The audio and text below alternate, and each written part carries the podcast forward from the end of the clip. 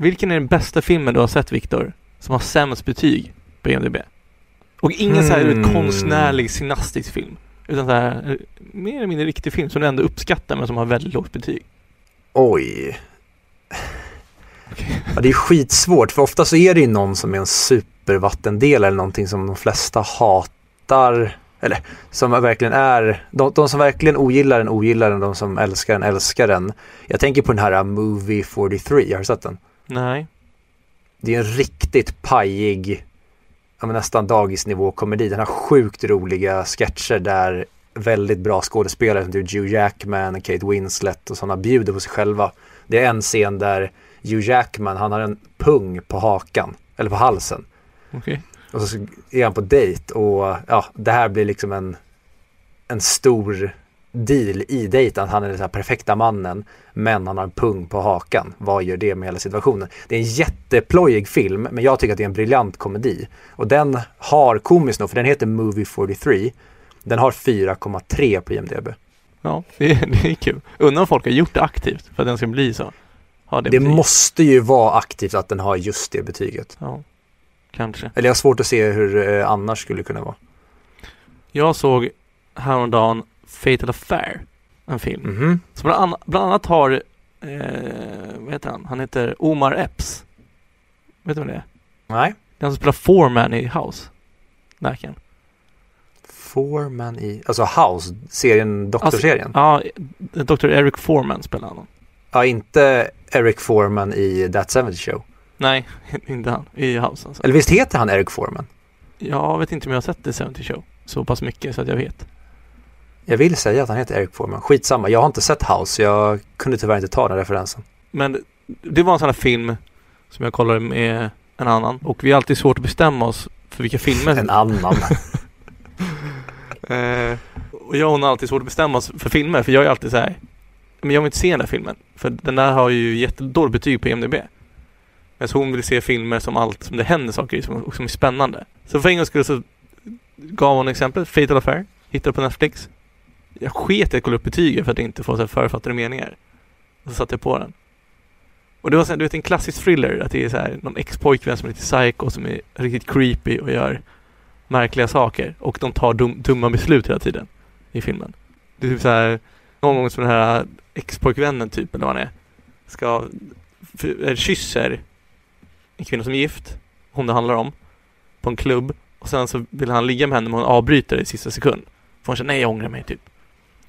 Och sen börjar den här ex-killen dejta hennes bästa kompis bara för att komma nära henne för hon slutar svara på hans sms. Och sen och sen när hon lackar ut på honom och säger så här, det här kan jag inte göra då, får han, då vänder han på det och säger till hennes bästa kompis att hon har försökt ragga upp eh, honom hela tiden. Men egentligen är det tvärtom. Och då är det så typiskt att du vet att vännen tror mer på den nya pojkvännen hon har känt i en vecka än sin bästa kompis hon har känt i hela livet. Det är mycket sådana där saker. Men det sjuka är att trots att den har 4,5 tror jag på EMDB, så var den ganska spännande. Det var en dålig film. Inte jättebra skådespeleri, konstiga situationer, men den var fortfarande spännande. Det tycker jag är generellt en farlig grej. Eh, när man, speciellt när man pratar med människor och av någon anledning så kommer man in på att man är filmintresserad. Och så kanske man kommer in på en film. Eller så kan det bara vara att personen, ja men okej, men säg att man kommer in på snack om om att någon är filmintresserad och di- direkt så går man in på IMDB. Nu vet jag att du, hela vårt koncept med den här podden är att vi pratar om IMDBs topp 100-lista men vi har ju också konstaterat under vägens gång att vissa filmer har ju verkligen inte på den här listan att göra. Och det kan jag bli så, eller provocerad blir jag i och för sig kanske inte. Ah, vi säger det, jag blir provocerad av när människor säger att "Nej, jag skulle aldrig se en film som har under sju på IMDB. Så här, men, men, men va? Var, varför inte det? Nej men då är den inte värd att se när man vet att den har under. För då, är- då alltså filmer som har 6, någonting eller lägre, det kommer jag aldrig se. Samma sak med folk som säger filmer innan eh, 2000 kommer jag aldrig se. Ja men precis, det är samma typ av icke-logik där att, men jaha, okej, så att bara för att många människor har tyckt att det här är alltså inte bättre än så här, då betyder inte att du, då betyder det att du inte kan gilla det, eller vad, jag, jag förstår aldrig deras argument då. Det brukar vara typ så att, men då vet jag att den inte är bra, jag kräver ju att den ska vara ja, men minst 7,8 och annars är det bara skit. Ja, men folk får för sig saker utan att våga testa det. Tycker jag i filmvärlden.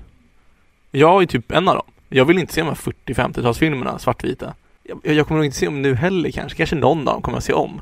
Men det är ingen som jag sett det och väljer att kolla på. Men jag tyckte fort, fortfarande att de är mycket bättre än vad jag trodde att de skulle vara. Och jag kunde finna ro i att titta på dem.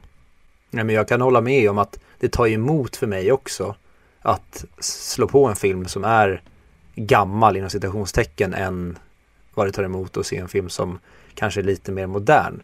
Och det finns väl någonting där med att man, man tror att man vet vad man vill ha. Men typ oftast, nästan alltid så blir jag motbevisad. Ja, ja. ja. Fuck you IMDB, det, det, det är bara det vi ville säga. Ja. Eller det var det jag ville få sagt. Fuck off. Verkligen. Nej, nu eh, kör vi igång va? Ja, vi kör.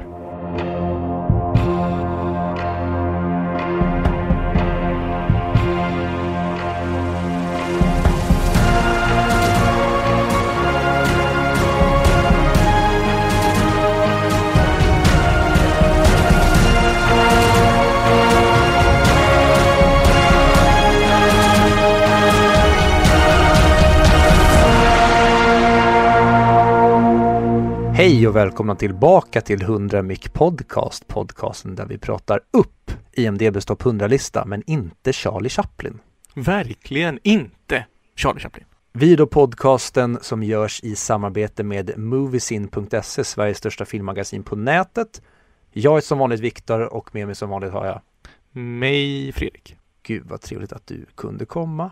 Det här är då avsnitt 60 och placering 41 och idag ska vi prata om Ridley Scotts, vad säger man, eh, Romar Epic från 2000 med Russell Crowe i huvudrollen. Mm. Men eh, that comes later. Jag tänker inte fråga hur du mår Fredrik utan eh, jag tänker direkt fråga, är det någonting du känner att du vill eh, prata om? Gud vad det lät som en förälder som frågar ett barn om den har gjort något dumt. Ja, så när man stulit kakor i burken. Fast det, det har jag aldrig upplevt att någon har gjort som man får se alla filmer. Det är snarare att man har tagit den sista glassen kanske. Ja. Men eh, eh, ja, så här är det ju. Att jag eh, spelade lite brädspel häromdagen. Och då hade vi på lite Disney Pixar-filmer i bakgrunden. Bland annat Inside Out och eh, Coco. Fick jag se lite av medan vi spelar. För det är ju vissa som tar lite längre tid på sig. Kände du då när du eh, spelade med dem att så här, åh, den där filmen Coco, den har jag poddat om. Nej, det sa jag högt. Ska vi inte lyssna på 100 mick istället? Ja, så vi sätter på 100 mic. Åh, shit. Eh, jag, jag ska inte av, eller jag, jag avbryter dig genom Mm. att jag gör en liten instickare. Eh, det var en person i, eh, ett, eh, en, i min bekantskapskrets eh, för några år sedan som eh, var aspirerande musiker eller DJ och skulle släppa en låt. Och den här personen när vi, ja men till exempel om man förfestade, då slog den här personen på sin egen musik på förfesten. Skön. Han uppskattar sin egen musik. Ja, det är det, för jag har Vissa människor kanske tycker att ja, men om man ska nå någonstans då får man trycka sig fram. Men jag gick runt konstant med en fet skopa cringe uppkörd i röven så fort det skedde. Och det var som att jag var den enda som verkade se på det här som ett extremt cringe tillfälle. Alltså det är ju lite märkligt på ett sätt. Jag tycker att det är helt extremt bajsnödigt att om, fine om så här, men du, ja du är musiker, har gjort någon musik? Ja men vad bra, sätt på den så får jag höra. Men att själv, utan efterfrågan, gå och slå på sin musik gång på gång. Det är ju för mig nackskottsnivå. Ja, okej. Skillnaden är om man typ så kör en låt han tycker är skön, som han själv har gjort. Men om man gör det fler och fler gånger. Och ja, nej, okej. Det är lite märkligt. Men vet du vad som har varit märkligare? Om du kontrade han genom att dra på ett avsnitt av 100 mick. Det var ju det jag tänkte att det är ju om man tar det to the next level, att man är på en förfest och istället för att man spelar musik som ändå hör hemma på en förfest, då drar man på sin podcast som man har gjort. Då är det ju inte ens en fråga om ett nackskott, då är det ju bara att ta ut personen rakt ut på gatan och så är det bara arkebusering deluxe. Ja, definitivt. Vart var han någonstans? Men förlåt, jag ska inte, jag ska inte, ja, du ska få berätta klart din, eh, din spelhistoria. Men det var en bra instickare. Fyra av fem instickare. Tack. Men då när jag kom hem så slog jag på Själen som de hade sett innan. För de hade sagt att den var bra. Det är Pixars senaste. Och jag tycker det är så fascinerande hur, framförallt de senare filmerna, typ som Coco och Inside Out och ja, då Själen. Hur de kan förklara så stora saker i en barnfilm. Och det får ju mig att vilja revidera mina tidigare åsikter om hur bra en barnfilm kan vara. För Inside Out de förklarar känslor på så ett simpelt och ändå komplicerat sätt. Eller Coco de, de, de förklarar om döden. Och har du sett Souls? Nej, jag har inte sett Onward heller som är den Pixar-filmen innan. Och den är, visste inte jag om fanns. Den får jag kolla på då. Men stjärnan handlar väl, alltså deras fina sak de, de visar där är egentligen mening med livet och sitt kall och vad som får en att må bra. Jag kanske var lite bakis och lite mer känslomässig när jag såg den här men det är så underbart budskap i den. Till skillnad från Toy Story som bara är leksaker som kommer till liv. Men Nej, men det är, ja, alltså jag, du är bara preaching to the choir. Jag eh, håller med till 100% om det du säger. Det är precis samma sak jag tycker Pixar har haft genom, alltså alla deras filmer egentligen. Nu har inte jag sett, ja, men som, jag, jag har inte sett Soul, jag har inte sett Onward och jag har inte sett Bilar-filmerna, men resten av alla Pixar tror jag att jag har sett och jag tycker att de håller det genom alla sina filmer. Sen kan man ju tycka att men Toy Story 2 är ju mer en blockbuster i och med att den bygger på en, en tidigare förlaga. mm, Men jag tycker att Toy Story som vi pratar om i det avsnittet, att den har så otroligt fina moraliska och mycket symboliska saker i som till exempel vad händer när du har varit ledare av ett gäng och det kommer in någon ny och din roll, du får omvärdera din roll i den här hierarkin till exempel. Och en person som Buzz som kommer in och är eh, verklighetsfrånvänd och tror att han är någonting som han inte är. Lite, det, det, är, inte, det är inte på så här psykisk ohälsa spåret men det är ändå, det handlar om om att de här karaktärerna får omvärdera sina roller och sin världssyn helt enkelt. Och det tycker jag de har gjort. Och kanske blivit ännu mindre vad ska man säga, ännu mindre metaforiska ju mer de har gjort film, alltså ju fler filmer de har gjort Pixar och nästan ännu mer tydliga, framförallt i Inside Out där de box, alltså vi får den här känslogrejen bokstavligt är det karaktärerna som vi får se och följa. exakt. Ja. Så det är en stor eloge till Pixar. Jag, jag gillar den vägen de går på nu. Jag måste se den där, vad hette den? Forward? Nej? Onward, eller Framåt som den hette på svenska. Ja, Som eh, komiskt nog också var typ budskapet på Centerpartiets eh, typ valkampanj som också var framåt. Så det var lite komiskt när de valde att översätta en Pixar-film till samma. Ja, det är med Chris Pratt. Han är med och pratar Och. Tom Holland. Och Tom Holland. Den vill jag se. 7,4, den har inte högt betyg så jag kanske inte ska se den då. Nej, jag har hört bland vissa tycker att den är helt fantastisk och bölar som barn till den och vissa tycker att den är en av Pixars svagaste och det är väl kanske det man som jag är lite orolig för när det kommer till Pixar det är att deras alltså rykte från att ha varit ja, men, slag i taket nästan varje film är i alla fall ryktet så tycker jag att de ja, men kanske börjar eh, landa lite mer i ljummenheten. Men det kanske är också att när de ploppade fram, typ Småkrypsliv kanske inte hade varit lika hyllad idag men det är en film jag älskar, jag såg om den hyfsat nyligen. Tyckte jättemycket om den då. Hitta Nemo är väl också typ generellt älskad. Men jag tycker att Inside Out och Coco är ju fantastiska och det är ju de två senaste Pixar som jag har sett. Ja. Men det har varit kul att veta vad barnen som den är riktad till, för de lär inte gå in och rösta på IMDB direkt. Eh, så det har varit kul att höra vad de tycker om dem också.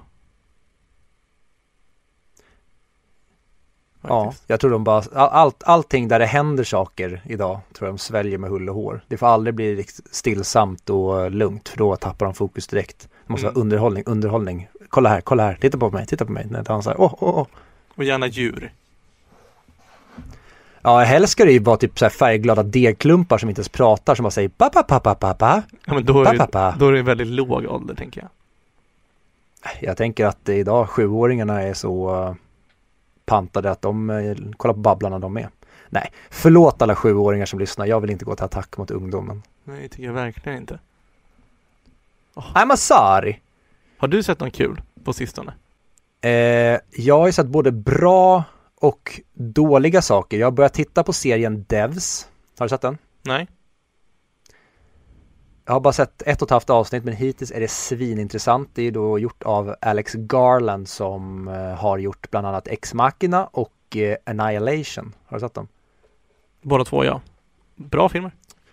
Jag tycker båda är... Nu har jag inte sett om dem på par år men Annihilation håller jag nog som ett mästerverk och jag håller nog x machina också som ett mästerverk. Eh, och därför var jag svintaggad på när han Alex Garland som sysslar med de här lite men blandningen mellan typ filosofiska och tekniska eh, dilemman när man blandar det. Det gör han ju både x machina och Annihilation och det handlar ju Devs om också. Eh, så jag är svintaggad på att se vidare på den för först, det jag sett hittills är jätte jättebra. Så det är det jag sett men jag såg även Jag har ju nämnt det tidigare i podden att jag och eh, Alex som har gästat den här podden vi håller tillsammans på att se igenom alla Alien-filmer. Och vi har nu sett eh, Alien, Aliens, Alien 3, Alien 4 och nu så kommer vi till den riktiga riktiga bajsmackan ska man inte säga, men nu kommer vi till prequelsen så det är Prometheus och Alien Covenant och vi såg Prometheus häromdagen och jag har alltid hållit den sedan den kom ut som en som en bra bra prequel till Alien men den här gången måste jag säga att det är en bedrövlig film. Vadå då? Det som jag tycker, det, det som gör mig mest, vad säger man, eh, besviken och fundersam, det är att jag får inte ihop att det är samma person som har gjort Alien som har gjort Prometheus. För det är som att det är en fanfilm gjord av en person som är extremt mycket mindre kompetent och som inte alls förstår vad som är det briljanta med Alien.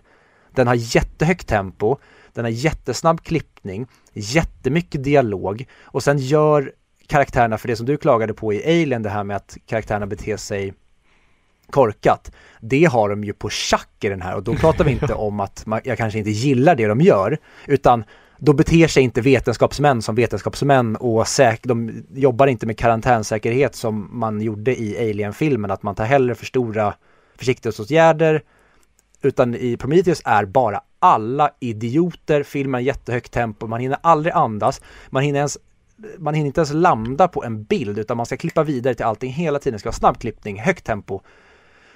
Och jag blir nästan så här, men snälla nu, jag är, jag är anfådd för att ni aldrig kan chilla, kan vi chilla någonstans? Sen har den ju de här, de, de bästa delarna av Prometheus är ju när de är i original eh, estetiken med ja, med skeppet och sinomorfen och när de är inne i den här uh, det som visar sig vara ett skepp men som är början nära de här templen. Det är de bästa delarna. Och David såklart, som spelas av uh, Michael Fassbender. Men även hon, han tycker att man slarvar bort. För filmen borde handlat om David och inte om Naomi Rapeface och uh, Rip-Off Tom Hardys karaktärer. Men eh, David är ju den bästa karaktären ja. Jag, jag tycker det är kul att han som är the map guy, att han är en av de som går vilse. Ja, och det är en del, det är så många sådana idiotgrejer i den här som man sitter där och tänker att nej men jag måste missförstå för så här pantad kan inte filmen vara. Och sen blir jag ännu mer besviken när jag tänker på att men vänta nu, Ridley Scott för 30 år sedan gjorde den här filmen fast precis på det sättet som den skulle ha gjorts och nu gör han en kopia som ser ut att vara göra av en amatör. Och det är det som gör mig så himla fundersam och jag kan bara landa i att någon hade rättigheterna till Alien. De sa Ridley, vi kommer göra en prequel till, till Alien. Eh, vi vill att du gör den och han sa nej men jag vill inte, låt det vara, jag vill eh, det ska vara som det är, håll inte på med det. Så vi kommer göra det ändå. Du får jätte, jätte, jätte, jätte, jättemycket pengar om du gör det. Okej, okay, ja men jag kan väl göra det då. Typ så. Men jag måste också säga att Ridley Scott måste typ vara den regissören som jag kan komma på som har den sämsta kurvan. Alltså att han börjar jätte, jättehögt, är jätte, jättebra och sen senaste tio 15 åren, då har det bara gått käpprakt neråt. Mm. Men vi, eh, vi, vi ska ju prata mer om Ridley Scott så att eh, jag ville bara Men- kasta en och annan stor bajshög på Prometheus som jag tidigare har försvarat och jag höll, hade det som en 4-5 film men Nope, den är inte bra och det var den jag tyckte var bra av Prometheus och Alien Covenant när jag hade sett dem. Jag undrar hur risig Alien Covenant kommer vara nu när jag tidigare tyckte att den har varit sämre än Prometheus. Jag kommer tycka den är bättre kanske. Men Ja, eh, sjukt. eh, How It Should Have Ended som jag tycker är rolig på Youtube. De har gjort en underbar om Prometheus, kommer jag ihåg. Den ska jag kolla igen sen när vi är klara med det här avsnittet. Ja, det är ju tyvärr en film som är jättelätt att dumförklara. Ja, verkligen. Ja, ja. Men eh, ja, från en eh, man som uppenbarligen skulle slutat på topp till en annan gammal man som är på väg att sluta på topp men hans eh, otacksamma son med sprucken läpp tar och dödar hans liv. Höll jag på dö- dödar hans liv. Tar hans liv. Dödar hans Nu liv. ska vi prata istället om eh, romarriket och Gladiator.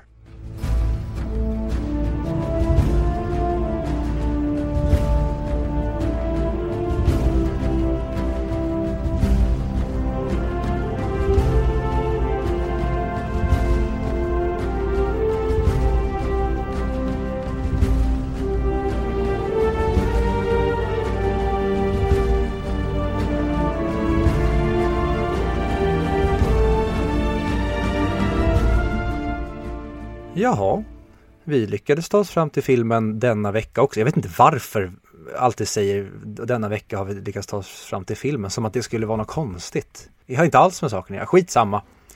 Eh, ja du, nu har vi då kommit fram till Ridley Scotts flerfaldigt Oscarbelönade episka Swords and Sandals drama från 2000 Mm. med eh, Russell Crowe i huvudrollen. Vi har eh, Jacqueline Phoenix i en manlig biroll. Vi har Connie Nielsen, vi har Richard Harris, Dumbledore.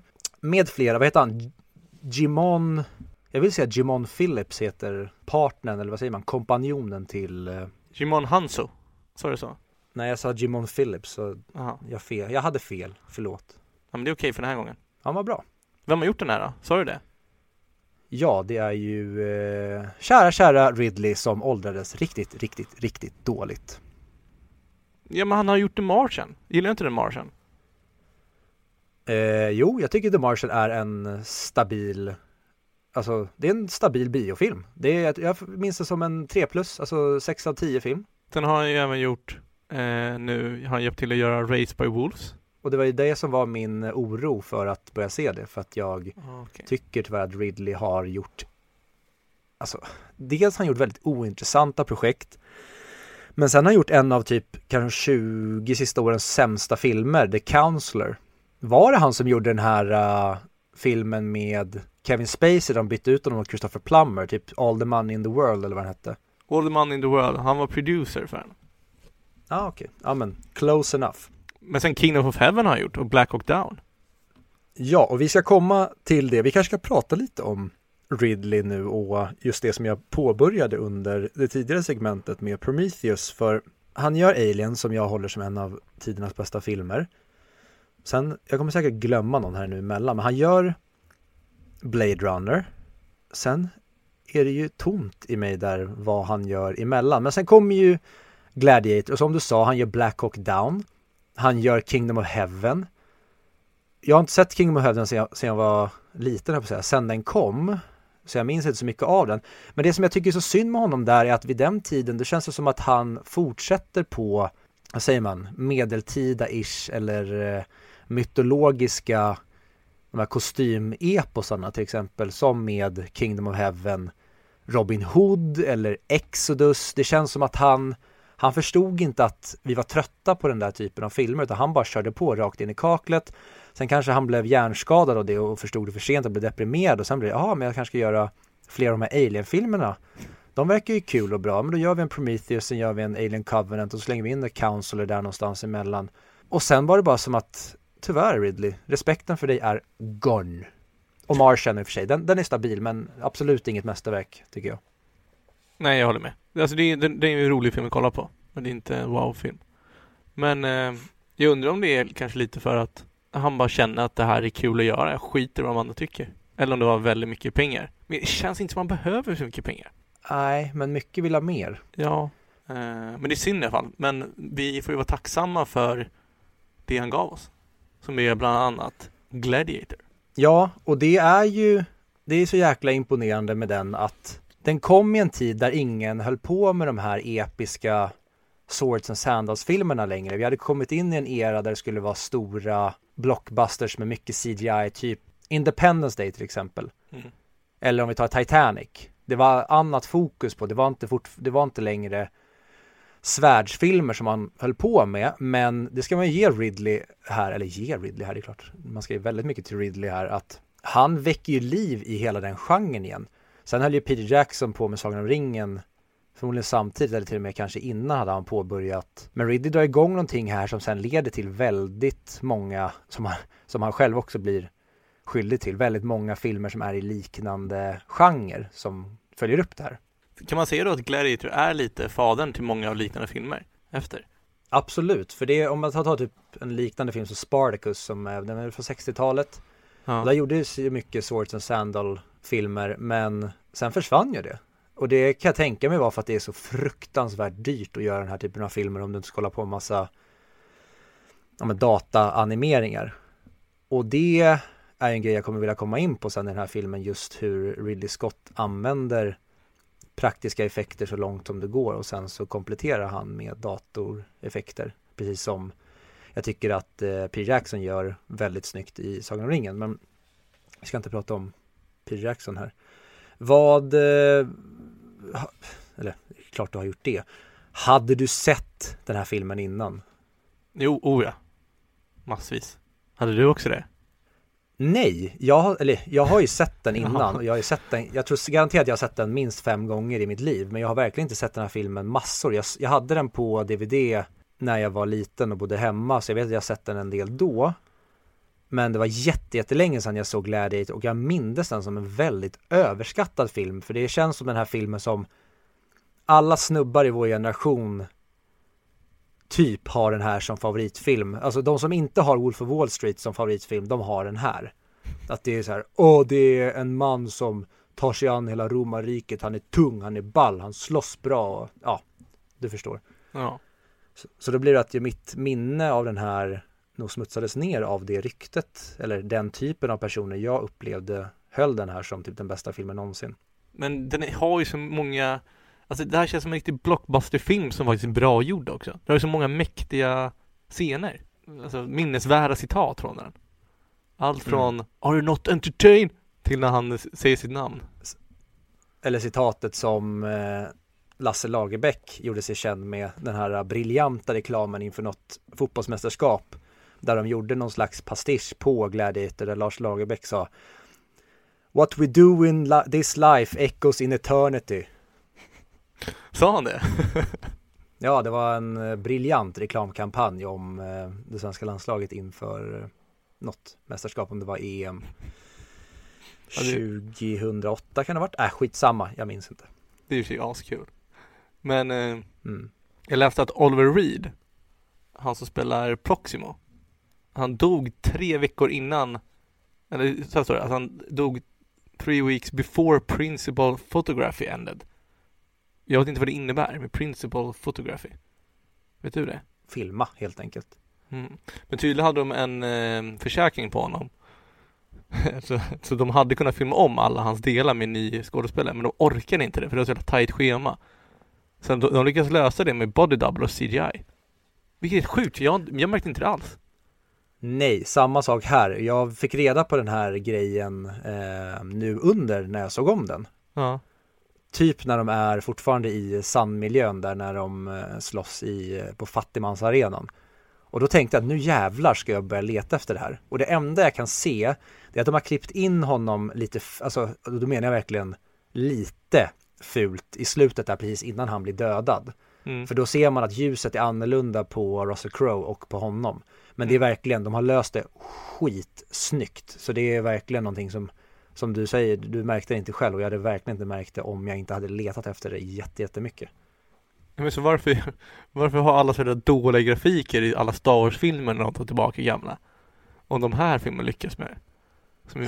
För att, ja, nej, de, de, tvinga mig inte ner på den där vägen. Då kommer jag börja svinga mot allt. Men, och det, det har att göra med att det som jag tycker Ridley Scott gör så jäkla bra i den här filmen, det är att han vet begränsningarna. Han vet var CGI ska, alltså att, precis som Peter Jackson gör så mycket som det går i Sagan om ringen.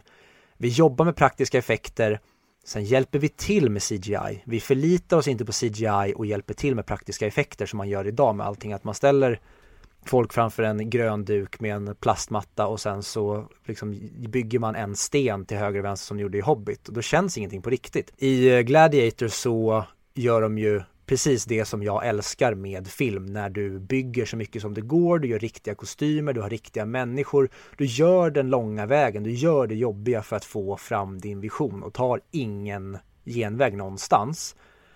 Och en jävligt sjuk grej med den här filmen är att när de började filma, mm. då hade de skrivit 21 sidor manus. Normalt sett är ett filmmanus över 100 sidor. Så att de hade, och det berättade Russell Crowe i en intervju, att de hade typ ingen Alltså de hade jätte, jättegrunt manus så att filmen skrevs under tiden som de spelade in.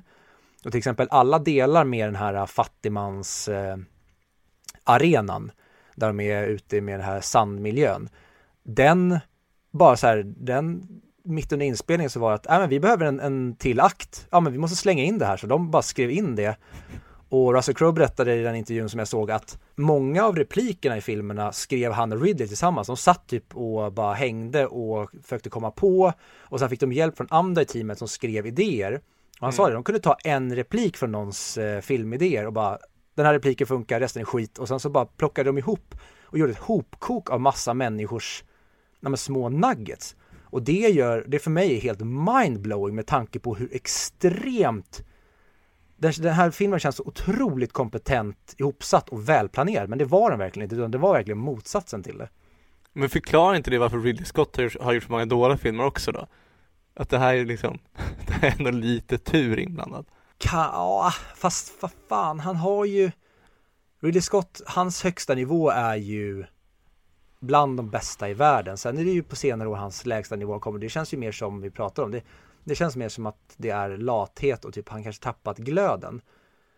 Men det som Russell Crowe sa i den intervjun jag såg också, det var att Ridley Scott är så jäkla, vad säger man, respektfull när det kommer till budget och pengar och han är vanligtvis noggrann. Men han förklarade aldrig varför de bara hade 21 sidor manus och inte hade ett fullt manus när de började spela in. Så det, det vet jag inte. Nej, men det som man märker i den här filmen och från Ridley Scott är att det är kul när han fokuserar på alla praktiska effekter. Som att det är riktiga tigrar som är där. Mm. Och alltså första scenen, alltså bara den känns ju så himla äkta och mäktig på något sätt. Ja. Alltså jag menar, den är lika äkta som i Braveheart, men i Braveheart så är den bara tråkig tycker jag. men den här känns ju mäktig och äkta på samma gång. Ja, och jag tänkte på det så många gånger i den här filmen att jag, jag, jag letade efter dålig CGI eller där saker var när man såg sömmarna i den här och jag tycker verkligen inte hur mycket jag än synade den här för det var som jag sa att jag klev in lite negativ och skeptisk och tänkte så här, nu jäklar, nu ska det komma en film här som alla tycker är fantastisk men som jag ska ja, men, ge lite skit. Men jag måste säga det att det här är ju, ja, det, det är helt otroligt vilken bra film det här är. Ja, jag tycker också den är otrolig. Allt ifrån, alltså var, var ska man börja? Alltså, Joaquin Phoenix otroliga roll, tycker jag. Mm. Jag gillar Hans Zimmers soundtrack, även om folk tycker att han använder samma i Pirates of Caribbean. Japp. Storyn älskar jag. Alltså det är bra fighting-scener och den är mäktig. Ja, och framförallt det som jag tycker den här filmen gör så himla bra, det är att det här är ett hämnddrama. Det är inte en actionfilm. Actionen är där för att driva storyn framåt hela tiden. Det finns en anledning till att de slåss varje gång. Det är för att vi ska från punkt A till punkt B. Det är inte bara att ja nu ska vi visa upp de här häftiga hjältarna och vad de har för olika vapen och grejer, utan varje gång det används våld i den här filmen så är det för att driva det här dramat framåt. Ja, och det, alltså det är lite som Alltså det är som ett tv-spel när han slåss där och när han är gladiator. Att den blir upp, uppgraderad en nivå hela tiden. Så det är nya hot. Mm. Det tycker jag också är kul. Ja, och det hade ju en sämre regissörs händer eller bara en, en sämre ihopsatt film. Det hade blivit pannkaka av att det är så tydligt levlande. Men när det är ett hemdrama där Maximus enda drivkraft är att han ska komma så nära Commodus som möjligt, då är det helt briljant. Och så fyller de på med alla de här sidoplotsen och karaktärerna som, och så blir det massa pauser emellan. Att vi alla är på väg mot samma mål egentligen. Samma sak med eh, Lucille. Hon har ju också ett liknande mål för hon är ju svinrädd för Commodus och ser då Maximus som den här personen som kan hjälpa henne ur hennes fängelse som hon lever i. Ja. Visste du att det var Mel Gibson först som fick, fick rollen? Nej. Eller som e-, blev erbjuden till Maximus. Den var 43 år. Men han tackade nej. Thank Lord.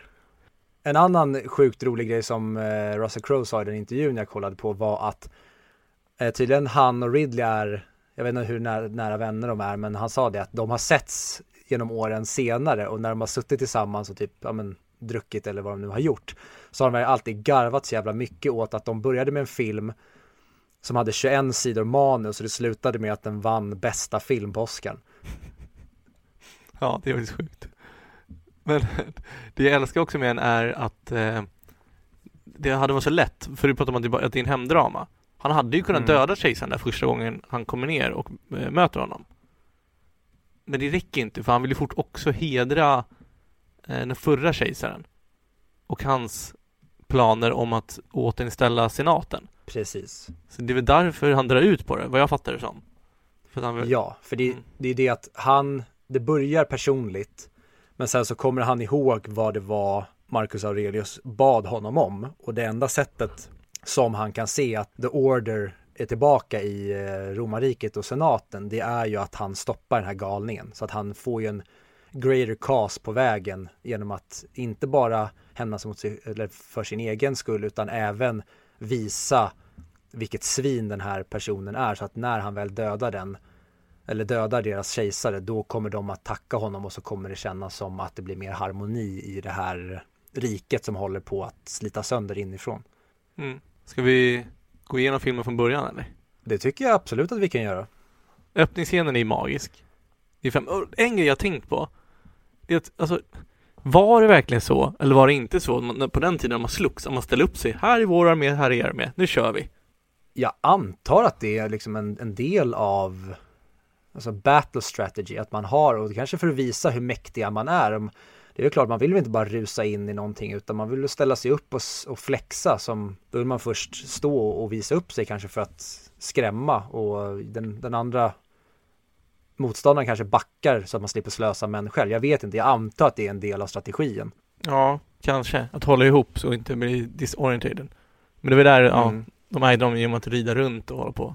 Klantigt skött av kejsaren kanske, eller? Med när han ska lämna över till Maximus. Ja, och för han sätter ju Maximus i en liten så här jobbig position och han måste bli ovän med hans barn som han typ är halvskompis med.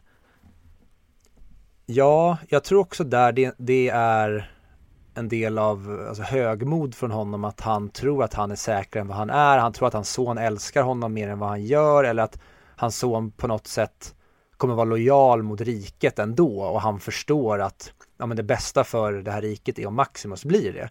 Men det är det också som jag tycker gör Commodus till en så jäkla bra karaktär. Det är att jag förstår ju all hans frustration och varför han beter sig som han gör. Mm. Om du hela ditt liv har gått och väntat på att din farsa ska låta dig ta över världens största företag och sen när det väl är dags säger han Nej men sorry, det är den här andra snubben som jag förresten älskar mycket mer än dig. Jag hade också bara kramat sönder skallen på honom. Det, det kanske jag också. Kunde inte gjort det smidigare? Definitivt, alltså garanterat. Och det tycker jag är så bra. För att ja. när man börjar, och det är också en del av den här filmen varför den är så briljant. Det är för att man, vi hade aldrig känt så här mycket för Maximus om han inte hade varit, alltså han är, han är liksom, han är där att han, han får erbjudandet om att bli världens mäktigaste man och sköta världens genom tiderna största rike. Mm. Nej, han faller därifrån till att bli en slav. Hans familj slaktas. Det är verkligen som att vi går från den högsta toppen som går till den lägsta dalen som bara finns. Och det är sånt briljant upplägg för en första twist eller första vändning från den första akten. Och sen vart, vi, vart filmen fortsätter efter det. För han är ju så simpel man. Han bryr sig om sin fru och, sina, och sitt barn. Och att bara ta det lugnt. Han är en enkel man. Ja, och det kan jag tycka. Nu vann ju Russell Crowe en Oscar för det här. Jag tycker, jag vet inte vilka han eh, körde mot 2000. Vad har vi för filmer där? Requiem for a Dream, det blev väl, nej det var ingen snubbe som blev Oscarsnominerad. Skitsamma, men jag tycker att filmen ger ju Russell Crowe lite mer tyngd för att om, man, om jag ska vara ärlig så tycker jag inte att Russell Crowe är jättebra i sin roll. Men jag tycker verkligen inte att det är någon slags Oscars han står inte för en Oscarsprestation utan han spelar den här som du säger, a simple hero rakt igenom. Mm. Då tycker jag verkligen att det finns, som då Jacqueline Phoenix som blev nominerad, jag tycker att han spelar ju skjortan av Russell Crowe. Men samtidigt Russell Crowe spelar den här, ja men väldigt enkla, plaina skådespelarinsatsen. Ja men det är så här, det, det, är inte så mycket känslor igen. Alltså det är mer att man får se en riktig redig man i det. Mm. Och jag älskar att de, alltså Russell Crowe är inte åtta pack som den här jävla jätten utan Russell Crowe är bara, han är muskler, han är inte bodybuilder biff. Han ser bara ut som att han är fysiskt stark, han ser inte ut som att han ska gå på beachen och vara Mr Sexy Universe. Han är smartare, det är det han är. Mm. Bättre inställning, bättre teknik. Ja, jättebra. Det slog mig också Alltså hur stort romarriket var på den här tiden, det är helt sinnessjukt. När, vilket årtal är det här utspelas? Eh, jag vet, jag googlade mig till att Marcus Aurelius, han levde mellan typ 21 efter Kristus, nej vänta, vad blir det nu? 121 efter Kristus till 180 efter Kristus. Jag vet inte om de håller sig till det här, jag vet inte hur historiskt korrekt den här är överhuvudtaget, men jag tänker att de bara tagit historiska karaktärer baserat på lösa grejer och så har de gjort en egen story av det uppenbarligen eftersom de har skrivit manuset under tiden. Uh, nej men alltså, det, det var gigantiskt. Det är som, som man säger, alltså han som är typ en av deras bästa generaler, han har aldrig varit i Rom. Nej. Uh, vilket man tänker att han definitivt har varit när man tänker på den här filmen. Mm. Men ja, sen blir, sen blir han ju slav och han vägrar slåss tills han kommer på idén att han ska komma närmare honom. Eller slåss han bara när han tycker nödvändigt. För han verkar inte så anti att bli slav tycker jag. Han är väl medgörlig där och det är väl antagligen för att han inte bryr sig längre. Precis, han har ju ingenting att leva för. Hans familj Nej. är död och det tycker jag är sjukt att du hoppade över den delen. Att, för det, det var en grej som jag gjorde, framförallt miljöbilderna när filmen när han rider hemåt är så jävla gorgeous. Alltså Ridley Scott mm, mm. är så jäkla bra på, det är samma sak i alltså även i Prometheus, de miljöbilderna som han använder där är ja, men master på det. Men när han kommer hem där, eh, då, jag var jätteförvirrad över vad, hur långt hemifrån han befann sig när han började stressa. Så jag förstod aldrig hur tajt det var om han skulle komma hem till att se familjen bli mördad eller om han skulle hitta dem som han gjorde. Så det, det var lite konstigt upplagt där. Så det är så här, kanske en sån söm som är på grund av att filmen är så eh, icke-planerad som den är. Ja, mycket möjligt. Men hur, hur blir han fångatagen nu igen till att bli slav? Nej, han eh, alltså däckar ju i utmattning och förtvivlan och han ger ju upp på livet när han har eh, begravt sin eh, familj. Just eller sin hustru och barn och så plockar de bara upp honom när han ligger där. Just det, och då vaknar han upp sen. Ja, just det, så är det. Också jättebra att det inte blir något mer komplicerat än så, utan de plockar upp en fallen krigare och sen så, ja, är han en av dem. En nere på golvet. Det är också kul att ing, för alla vakterna dog ju som skulle avrätta honom. Och det var ingen som red tillbaka, så jag, jag vet inte hur de fick reda på För tydligen har de ju ljugit för kejsaren att, han, att de hade avrättat honom. Ja, det tycker jag också var dåligt där att hur i helvete kunde de hinna före honom?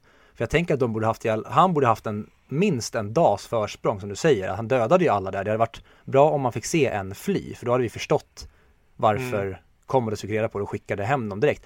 Eller så var det det att de, ja, jo för fan, det är väl klart. när de tar honom till fånga, då säger han ju det till eh, Quintus heter han va? Ja. Han säger det liksom, look after my eh, family och då säger han typ så här, de kommer möta det efter livet. Så det är ju klart att Commodus skickar en armé hem till honom också vid samma stund och ska avrätta hans familj som straff. Ja. Men det är också så här typiska dumheter tycker jag. Så här, varför tar han inte bara handen? Och sen försöker han lösa det andra. Det är så här, ta bara handen, det behöver inte betyda något speciellt. Men det kanske gjorde så på den tiden.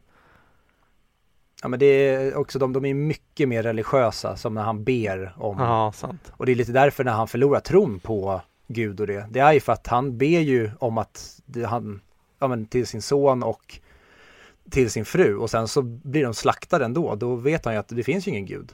Nej. Han, tycker, han har ju verkligen försökt leva helt rätt och göra det som är rätt. Då ska inte han få det här utfallet där han blir utsatt för mordförsök och de slaktar hans familj. Så då vet ju han att fuck God, det finns ju inte. Det, det, det är en- alltså en scen jag kommer ihåg. Det är när alla börjar heja på honom efter att han har styrt dem till framgång. De ska iscensätta någon, någon, någon slakt ut när de åker runt med sina häst och vagn. Med svärd på Mm. sidorna. Då blir han ju den här generalen igen för hela publiken. Det är då pöbeln börjar älska honom. På riktigt. Japp. Och då, alltså, då får man verkligen att han har nått botten och nu är han på väg upp igen. Han har fått tillbaka sin vilja, tycker jag det känns som.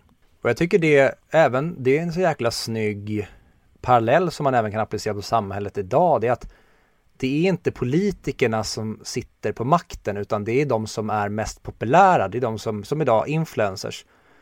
Alltså de som är stora på sociala medier, de har ju en enorm makt och inflytande. Och det är samma sak här. Det är inte Commodus som de vill följa utan det blir Maximus den här entertainern. Det är de, han som egentligen kan till slut styra folket vart fan han vill för att han är populär på ett annat sätt. Ja, det ser man så tydligt där, vilken influens han är. När han får chansen att döda honom och all- och alla skriker kill, kill. Och kejsaren kör Mm. tummen ner. Som för övrigt tror jag är fel. Jag tror tummen upp betyder döda egentligen. Skitsamma. Ja. Eh, nej men det, det var någon speciell grej. Eller så var det olika. Jag vet inte. Jag har hört massa rykten om det där. Men, ja, vad eh, kul om det, det är Ridley Scott som, i och med att filmen är gjord som den är gjord, att Ridley Scott har ingen aning, så Ridley Scott har gjort helt fel. Nej, han ska dö typ. ja. Nej men att då, trots att hela publiken skriker kill och kejsaren gör som de vill, så märker man att det är ju eh, Maximus som har den här makten. Så att när han väljer befria honom, då blir alla jubla ändå. Åh, den barmhärtige! Det, fin- det finns så otroligt många lager, därför jag, jag knappt kan tro på att den är skriven så som den är gjord och producerad som den är gjord. För det känns som en film som vet exakt vad den gör och den känns så otroligt välskriven och välplanerad. Och som du säger, de här citaten, att det finns så många klassiska citat från den här filmen. Det, det ska inte gå om du gör en film i förbifarten. Nej, men för det känns så ofta när man gör sådana här filmer som är historiska, så tänker jag att mycket måste ju läggas, mycket research måste ju läggas på hur de var, hur de betedde sig, vad är normalt för dem och så vidare, för att göra den så bra som möjligt. Undrar om de bara har wingat liksom hur de pratar med varandra. När de pratar om romarriket och allt det där. Hmm. Ja, det är svårt, Det- men det kanske är också att de hade så jäkla bra koll på allting runt omkring, att det bara var själva Typ hur de skulle ta sig från punkt A till punkt B. De hade en massa olika sätt kanske de hade designat och rustningar och sånt men de visste bara kanske inte hur de skulle använda det. Så de kanske var förberedda på alla plan utom just att de hade ett färdigt manus. Man vet ju inte. Eller jag vet Mm. inte i alla fall. Strength and Honor och så vidare. För övrigt, hur jävla snygga är inte allas armors och liknande?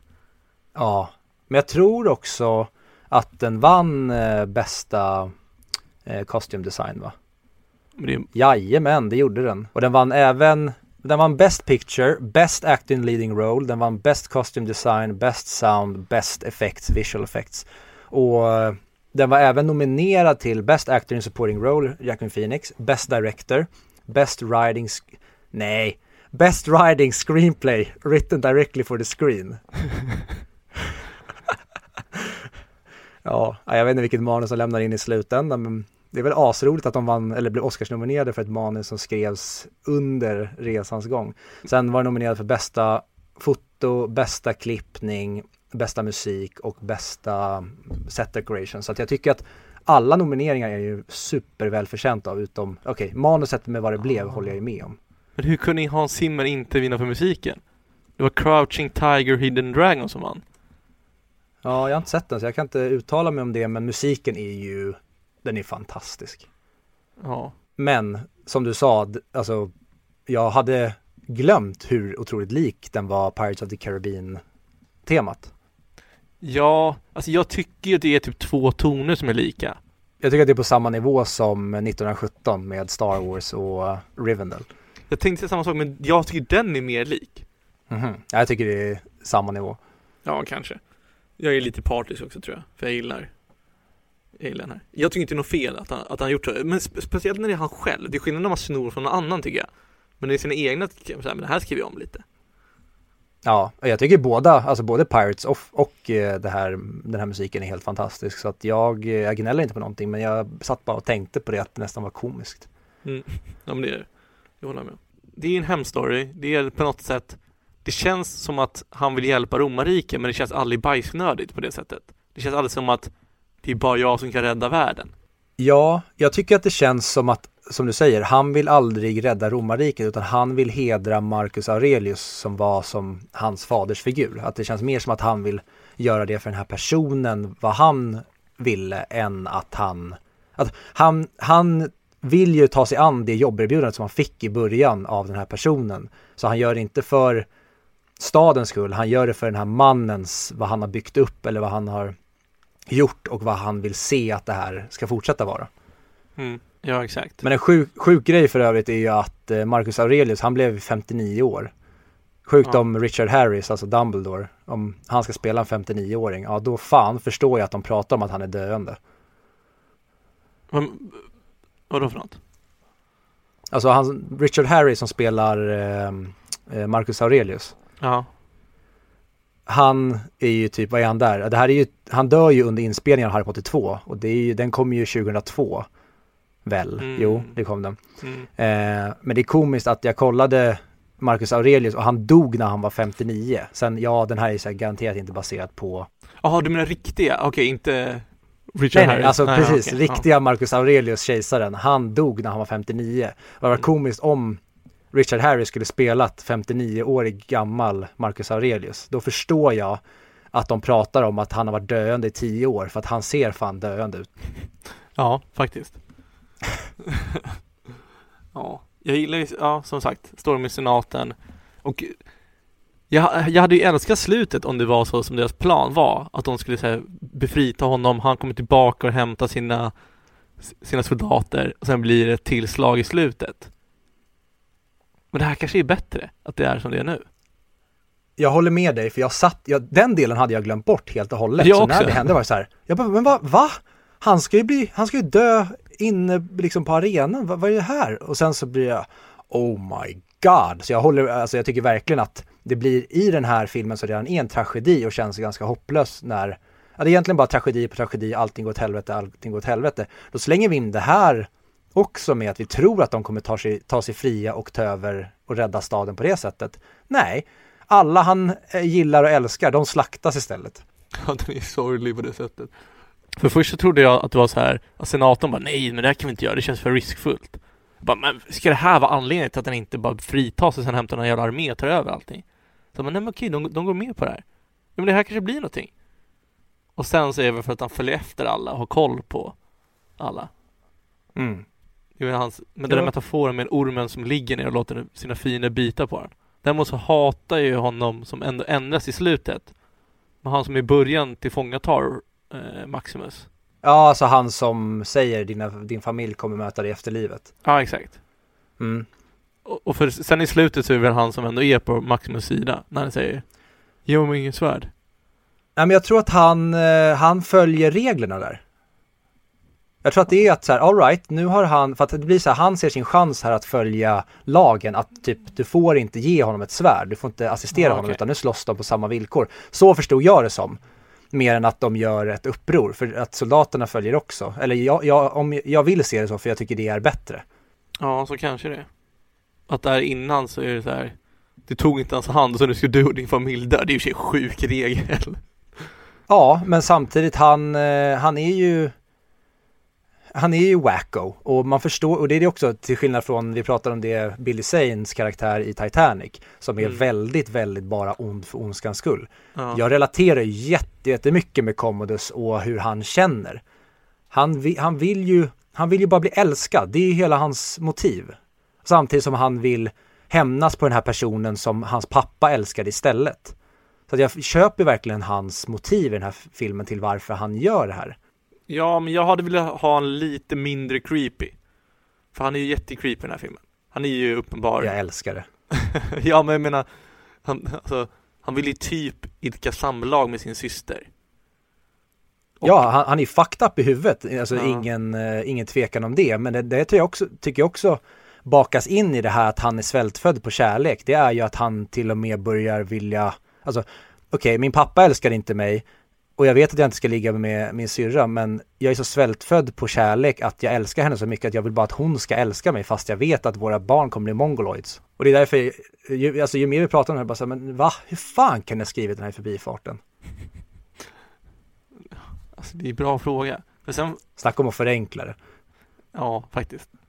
Det låter som att de bara improviserade varenda sak de sa. Men Ja. eh, jag försöker bara tänka på, alltså, vad, det, det är för mycket bra saker. Ja, och det känns som att så mycket har sagts om den här filmen. Och ja, jag vet inte, kritik kanske man skulle kunna komma in på. Ja, jag tänkte bara slå ett slag för Jimon Hansus. Jag gillar hans karaktär, Juba. Underanvänd tycker jag. Ja, lite. Jag hade velat få lite mer bakgrund. Jag hade typ velat att han skulle vara någonting coolare. För, för nu känns det som att han bara är bra på att slåss för att, vara, för att han ska vara hjälpreda till Maximus. Han har väl ingen annan riktig roll förutom att han vill tillbaka till, till sin familj som är där ute någonstans. Men Så- där tycker jag Rid- Ridley Scott ska ha en eloge för att i en annan film, då hade ju Black Guy blivit mördad först. Ja, nu tvärtom. Faktiskt. Men det är ändå 2000-talet. Det var väl någonstans där man slutade med det. Nej, jag skulle säga att det man slutade med det typ 2015, men vad vet Ja, jag. jag vet. Det är skitsent. Eh, innan dess var det alla svarta och eh, heter han? Sean Bean Ja, som blev dödade. vi har suttit och bara slickat uppåt nu. Vi kanske, om, om du har någon kritik så Jag vet inte. Jag har för mig att innan jag skulle kolla på den så var jag lite rädd för att den skulle vara lite långsam. För den är lång. Nej, jag tycker verkligen inte den har problem med tempo för fem öre. Däremot kan jag tycka att, och det sa Russell Crowe i den här intervjun som jag såg, den delen när, där han börjar slåss, där de befinner sig i den här, som jag kallar den sandmiljön. Ja. Den tydligen fick de lägga in för att de behövde en till akt, så att den är tjohornad in. De hade delen med kriget i början och de hade delen med romarriket men de hade inte den här mellandelen. Det kan jag tycka att det kanske är den minst intressanta delen i filmen, även fast jag inte tycker att den är dålig. Men det är där jag tycker att den i så fall kanske börjar trampa lite vatten. Jag tycker att den är perfektion i första akten, perfektion i tredje akten. Mm, jag håller med. Den, men, det, men det kanske är den som gör att den känns lite lång då. Lite långdragen när man tänker tillbaka på filmen. För när jag väl satt och kollade på den så tyckte jag inte det. Då, då tyckte jag den var Mm. jättebra. Men du såg eh, två och en halv timmes versionen? Ja, nej, säg inte igen att du har sett någon sån här fyra timmars. Nej, men jag såg den på, för jag har den på Blu-ray och Ja. jag, eh, nu när jag slog på så fanns alternativet Theatrical eller Directors Extended Cut. Och jag tyvärr, så, eller jag, hade lite samma rädsla som du hade, att jag kände så här, nej, jag orkar inte Extended på den här för jag är rädd för att det kan bli skitlångdraget.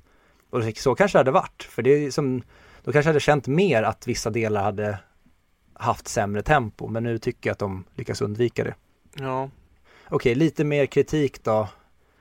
Eh, den enda, och det, det är också, det är ingen kritik, det är egentligen bara för att berätta, det är ett, en, ett undantag som bekräftar hur briljant alla effekter är i den här filmen. Men den enda gången jag tycker att miljöerna är off och fula, det är ju när Commodus står morgonen efter de har slaktat alla. mm. När han står och tittar ut över Rom och det är så här gryning, där ser greenscreenen för jävlig ut. Men Mm, det, det, är typ det är den enda gången jag egentligen reagerar på det. Utöver det tycker jag att den är klockren. Speciellt de här helikopterbilderna. Alltså stora bilderna över Rom. Jag, jag förstår inte hur har fått till det. Det ser så jäkla bra ut. Ja, men samtidigt när de kommer att få se Colosseum första gången. Mm. Det ser också helt fantastiskt ut tycker jag. De måste ha använt sjukt mycket miniatyrer. Ja, antagligen. Det, har vi ju märkt i de alla filmer vi har sett att det är ju det som är fram, alltså nyckeln till framgång. Mm. Men jag håller med om greenscreenen när de, kollar, de blickar ut när det är så här, alltså när det är typ solnedgång eller vad det är. Det är så här röd Mm. bakgrund. Den, den såg ganska dålig ut tyvärr. Ja. Men, men, men jag förlåter det. Alltså det är en sak på en 2000, alltså på en film som är 21 år gammal. Mm. Nej, absolut. Och det är, som jag sa, det är ett undantag som gör att jag håller den här filmen så jäkla högt. Men en annan grej som jag också garvade lite åt, det är det här att jag har fått PTSD efter jag sett Game of Thrones. Att när, när någon står, har besegrat någon och ska de avrätta den, då får jag alltid stressmage av att säga, men avsluta honom, avsluta honom, döda honom nu, för snart kommer han riva ner dig och trycka ut dina ögon. Alltså det är ju den sjukaste scenen vi kommer ihåg Game of Thrones, som jag typ har sett någonsin på film. Den är så chockerande och den är så panikfylld. Ja. Mm. Yes, men eh, ska vi gå in på betyg? Det tycker jag låter som en bra idé. Vill du börja eller ska jag börja den här gången? Det får du välja. Ja, men kör du då. Your Highness. Jätte, jättesvårt. Först kände jag, under hela filmen kände jag, det här är en, en klockren 9 av 10. Den, mm den, når, den, den når inte upp till 10 av 10 för mig, för att jag tycker att jag, jag, jag vet inte, jag, jag, det är någonting känslomässigt som inte når hela vägen fram till mig med de här karaktärerna. Jag bryr mig inte jättemycket om Lucille och Lucius. Eh, bikaraktärerna, alla de här senatgubbarna och det, det, det, känns lite som Titanic där med att de har kastat ganska platta, eh, de har gjort det ganska platta eh, skådisval där. Mm. Så det är väl kanske det, men när jag satt, alltså i slutet där när han stupar och de bär honom och det, då, då bara började jag, alltså verkligen, inte som det var med eh, Intouchables att jag bölade som ett barn, men då var det bara så att tårarna kom. För det är så jäkla mäktigt och fint och de har verkligen, där vi startade och nu är de i mål, det kändes verkligen som en episk resa som jag nästan kände att de hade ju typ kunnat göra tre filmer av det här. Med första delen är hur Maximus ska bli kejsaren, Andra filmen är när han är liksom slaven, att de kör nästan de här tre akterna i filmer. Det var så jag kände i slutet. Nu vet jag att jag har sagt emot det, att jag tyckte sandmiljön var kanske där den tappade tempo. Men det var nästan så jag kände att jag hade velat se ännu mer utdraget av det här. För det kändes som att vi har rest nu så jäkla mycket. Nej men vad fan, nej jag är bjussig idag. Det är fan en 10 av 10. Det här är, och det det är just för att jag tycker att när du ser en så här Swords and Sandals eh, affisch eller poster idag så tänker mm. jag alltid på Gladiator. Ja, jag håller med.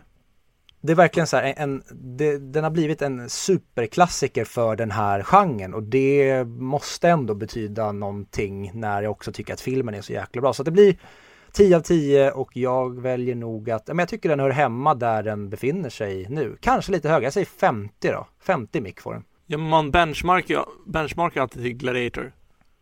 Jag hade nästan velat se ett till stor strid kanske. Tror mm. jag. Men jag vet inte hur jag hade fått in den i filmen. Men trots det så skulle jag ändå säga att det är nog en eh, 10 av 10 för mig med. 40-30 mick, 35 mick säger jag då. Jag, jag ser ingen kritik till den och det är en otroligt bra film, den är spännande, känslosam, det är lite så här att de har en plan och sen de har motplan. Den kan kännas väldigt lång. Skulle jag säga. Men jag tycker inte att den men... är tillräckligt lång för att ta ner ett betyg. Nej, men den är ju också väldigt lång. Ja, exakt. Det kan vara därför. Mm. Så 10 av 10. Ja, tråkigt att vi skulle sitta här och eh, bara älska. Men eh, ja, vad fan ska man förvänta sig nu när vi är på topp 40 av de bästa filmerna någonsin enligt de flesta människorna. Det, det kommer ju vara filmer som vi också kommer älska. Så det är bara så det är.